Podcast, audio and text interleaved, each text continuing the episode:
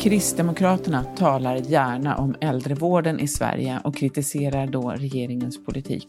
Men en annan fråga har en tendens att återkomma i kretsen runt KD, abortmotståndet. Och när det visat sig att Sara Havenås, som är ordförande i KDs kvinnoförbund och huvudansvarig för en ny jämställdhetspolitik, har en bakgrund i abortkritiska sammanhang, ja, då vill partiet gärna tona ner det. Varför då? Välkommen till Studio DN. Jag heter Sanna Thorén Björling.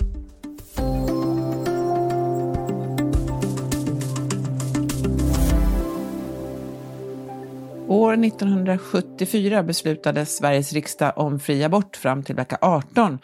Det är en ordning som mer än 8 av 10 svenskar idag ställer sig bakom. Den minoritet som är emot abort sympatiserar oftast med Sverigedemokraterna eller Kristdemokraterna. Och om KD ska vi prata idag med DNs politiska kommentator Eva Stenberg. Välkommen Eva! Tack så mycket! Du, hur har Kristdemokraterna historiskt ställt sig i abortfrågan? KDs rötter var ju att de var abortkritiska och man talade ju om att, och det gör man ju fortfarande, att det är två liv som ska värnas. Eh, fostrets, eh, barnets liv och mammans liv.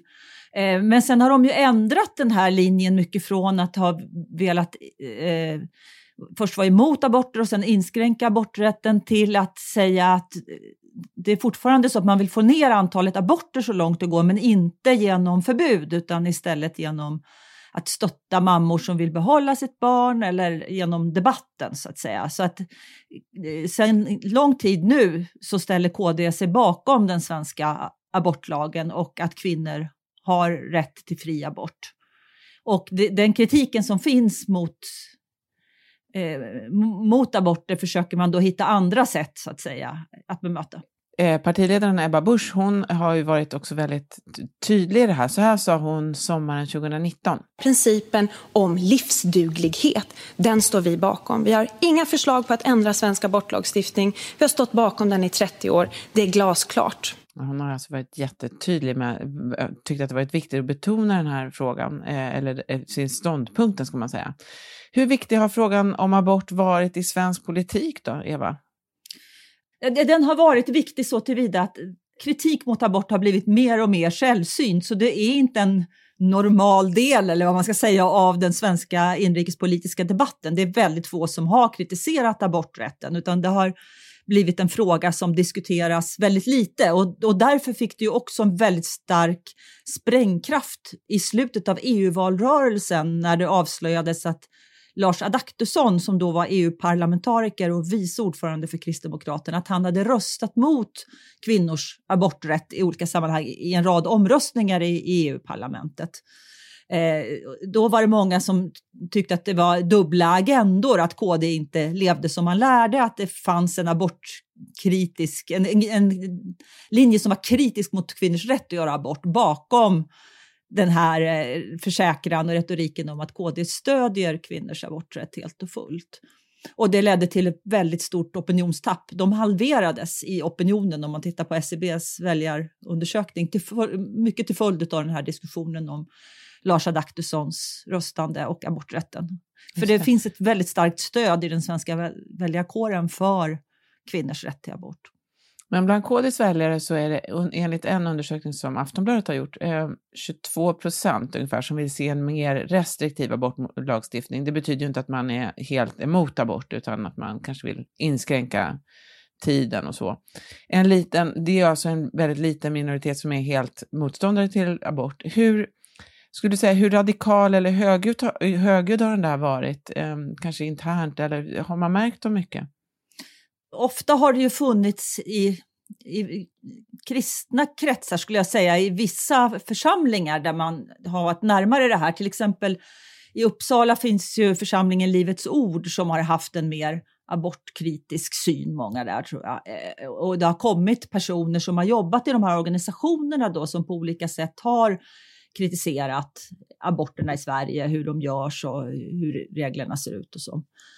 Eh, men, och det har ju varit diskussioner på deras eh, riksting, Kristdemokraternas också, om abortpolitiken. Och det finns ju, om man tittar i Norden så finns det ju till exempel norska kristdemokrater, där är det jätteviktigt deras kritik mot aborter. Det var så viktigt så att det fick avgöra om de skulle gå in i Erna Solberg-regeringen eller inte, att de skulle få en hårdare abortlagstiftning i Norge. Så det där Tittar man ut från Sverige så är det där en vanlig ståndpunkt just i kristdemokratiska partier. Mm, vad intressant.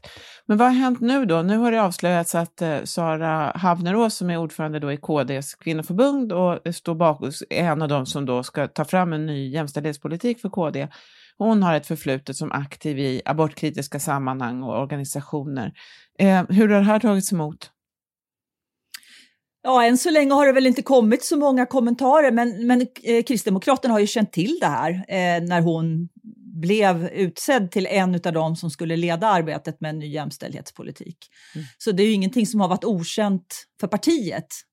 Eh, utan de har ju försvarat sin alltså kvinnoförbundsordförande och hon är ju en person som har eh, kallats för ett framtidsnamn och en min, mini-Ebba och sådär. Eh, en, en person med lyskraft som Kristdemokraterna har lyft fram. Så de har ju inte distanserat sig från henne eller så. Mm.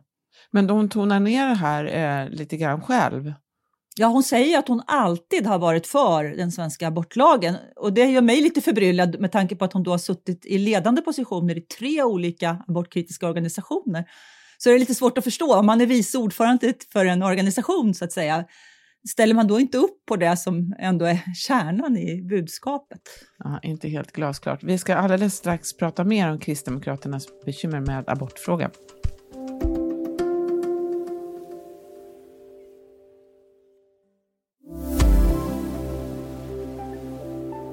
Vi pratar idag i Studio DN med Eva Stenberg, DNs politiska kommentator, om Kristdemokraterna och abortfrågan.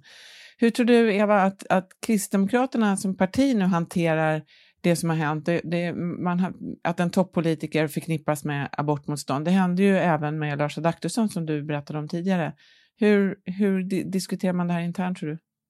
Eh, Lars Adaktusson var eh, en, mer eldfängd sak, för det avslöjades ju mitt i en valrörelse när de hade jättehöga opinionssiffror och gick mot ett superbra resultat med KD-mått mätt. Då kom det här och det var också någonting som det var väldigt oklart om partiledningen kände till eller inte. De sa att de inte, först sa de att de hade koll på hur han hade röstat, men sen hade de inte riktigt det i alla fall. Och eh, det kom lite dubbla budskap där. Och sen fick han ju, sa han ju att han slutade och då gick Ebba Busch ut och sa att han hade inte fått fortsätta även om han hade velat, eh, för det hade valberedningen sagt. Och hon tog avstånd ganska tydligt från honom. De blev av med en vice ordförande som ju är en populär skicklig politiker, Lars Adaktusson. Han hade många personkryss i valet. Eh, han är verbal och kan tala för sig. Han satte sig åt sidan av det där, så det kostar ju dem väldigt mycket. Det där var ett hårt slag för Kristdemokraterna. Eh, eh, sånt är ju inte läget nu. Det är ju inte lika allvarligt. Vi står inte för någon valrörelse. De har, inte, de har redan en opinionskris, vilket ju kanske inte är någon tröst för dem, men de har inte riktigt den fallhöjden som de hade då, så att säga. Och även om, om eh, det här mycket väl kan vara en duktig politiker så är det ingen som väljarna känner till, som Lars Adaktusson. Han var ju populär i breda kretsar, han var känd. Det är ju inte Sara Havnerås. Hon kanske blir Nej, det, men hon är det inte idag. Nej. Det är intressant det där du nämnde Norge, men eh, alltså i många länder, både i Europa och även i USA, så är just frågan om abort är ju väldigt symbolladdad och den, den får en sån moralisk konservativ tyngd och ofta oproportionerligt stor betydelse om man jämför med hur viktig eller oviktig som väljarna tycker att den faktiskt är. Eh, hur tycker du att man placerar in Sverige där? Eh, både SD och, och KD har ju märkt att frågan ibland kan stöta bort väljare. Var, var ligger Sverige i den där eh, skalan? Jag tror vi eh, ligger... Det finns en sån här värderingsskala som har gjorts av människor i världen, en sån här kulturkonfliktskala där vi ligger som en väldigt individualistisk och sekulariserat land. Vi ligger i ett hörn på den här skalan som tror på individen och som inte är särskilt religiösa. Och där tycker jag förklarar en del av den svenska abortdebatten. Jag tror att den är mycket mindre här och att laddningen här gör snarare att man inte pratar om den än att man pratar om den. Eh, det, det, det, finns en, en rädsla i Sverige att skambelägga de kvinnor som har utnyttjat sin aborträtt.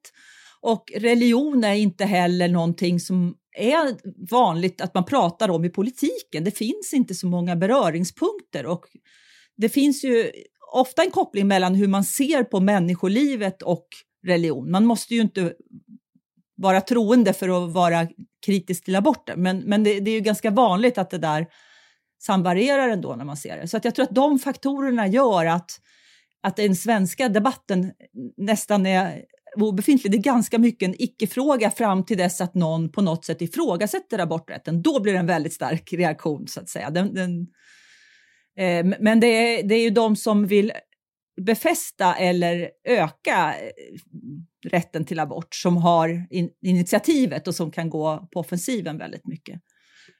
De som är kritiska är tillbakatryckta. Just det. Om vi vidgar perspektivet lite grann. Ebba Busch har varit partiledare sedan 2015. Eh, det börjar bli redan eh, ganska många år. Eh, åt vilket håll har hon tagit KD? Hon har tagit KD åt höger skulle jag vilja säga i kort sammanfattning och eh, gett KD en del nya frågor. Alla är inte klassiska högerfrågor måste man också säga för hon har ju pratat om en ny borgerlig feminism och hon har etablerat sig som eh, en person som pratar och lever jämställdhet. De brukar använda sig själv som exempel och säga att det skulle, om det inte gick att förena mm, föräldraskap och eh, politisk karriär så skulle jag liksom inte kunna existera i det här.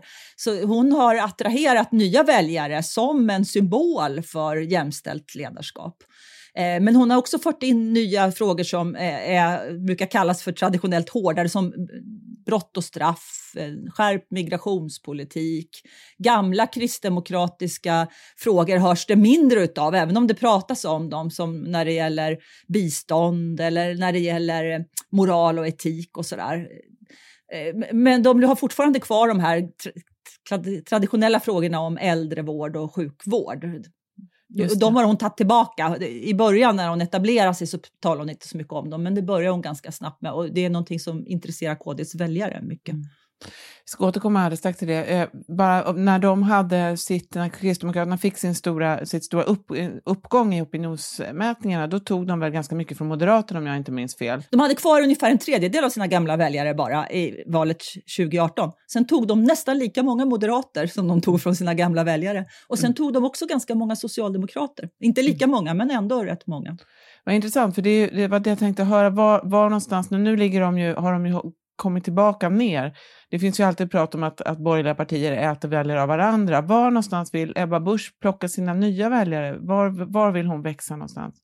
Ja, om man ser till profilen så eh, tror jag att, eh, med lite olika frågor, men hon har velat ha moderata väljare, vilket hon ju har gjort, Sverigedemokrater eh, och eh, socialdemokrater, bland annat då med äldreomsorg och sjukvårdsfrågorna, välfärdsfrågorna där. Just det. Och så råder det då kris i Liberalerna här samtidigt. Och, eh, Sverigedemokraterna, Kristdemokraterna och Moderaterna vill vara ett regeringsalternativ.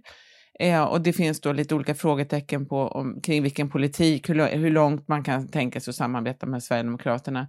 Eh, var, var hamnar KD här? Var, hur, hur navigerar de och spelar det någon egentligen roll vad de, vad de tycker? KD har varit ganska viktig här. Det var Ebba Busch Thor som öppnade för direkta samtal om politik med Sverigedemokraternas Jimmie Åkesson genom en berömd lunch eh, samtidigt som Almedalsveckan pågick där de åt köttbullar. Men å andra sidan är hon inte den som går längst längre, för Ulf Kristersson har ju sagt att han, om han blir statsminister, kan tänka sig ett budgetsamarbete med eh, Sverigedemokraterna. Men det har inte Ebba Busch sagt, utan hon har sagt att det får inte vara ett brett samarbete, ett helt budgetsamarbete, utan i så fall ska det vara i mindre frågor. Så, så där går hon inte lika långt. Hon håller en viss distans, eh, trots att hon är då är den som har gått i spetsen när det gäller kontakter med Sverigedemokraterna. Och, och, som du sa, eh, så är ju abortfrågan är ju, inte, är ju inte någon fråga där man vill positionera sig. Men då, då vill man till exempel kanske plocka fram äldrevården. Ebba Busch skrev på DN Debatt helt nyligen och kritiserade gärna regeringens eh, äldre, äldrepolitik eh, för äldre. Varför väljer man just äldrevården? Det är en kärnfråga för kristdemokratiska väljare, har varit länge och de har länge satsat på den politiken och har förslag. Och sen med pandemin nu så har ju äldrevården blivit en fråga som har blivit viktigare för väljarna. Den kritiken som den skarpaste kritiken mot regeringens krishantering handlar ju just precis om äldrevården. Och det kommer säkert att bli en rejäl debatt om det framöver på ett sätt som det inte har varit på länge. Den, så, så, det är en kristdemokratisk kärnfråga. Den har blivit mycket mer viktig, mycket mer debatterad och de har förslag. Det är ganska logiskt att de, att de eh, håller fram den. Vad tycker du själv ska bli mest intressant att följa framöver just när det gäller Kristdemokraterna? Ja, en fråga som vi inte har pratat om som inte är den politiska kärnfrågan, men jag undrar om det har någon effekt, det är den här husaffären som Ebba Busch är inblandad i. Eh, nu sjunker ju KDs mätningar, har vi sett i andra opinionsmätningar, inte i vår egen Ipsos, men på sistone. Och jag ställer frågan till mig själv, kan detta ha något samband? Ibland kan ju sådana här affärer påverka väljare. Eh, jag tycker mig minnas eh, valrörelsen 2006 där det var mycket tal om Göran Perssons herrgårdsbygge som ju var något, det var ju ingenting olagligt eller så, men det påverkade hans profil mycket och på samma sätt, även om Ebba Busch skulle ha helt rätt i den här hustvisten så är det en svår situation när just Kristdemokraternas partiledare bedriver det mot en äldre man som säger att han har blivit eh, som i rätten hävdar att han har blivit lurad på miljonbelopp. Alltså det, det är en svår eh, tvist om det, om det är så att, att människor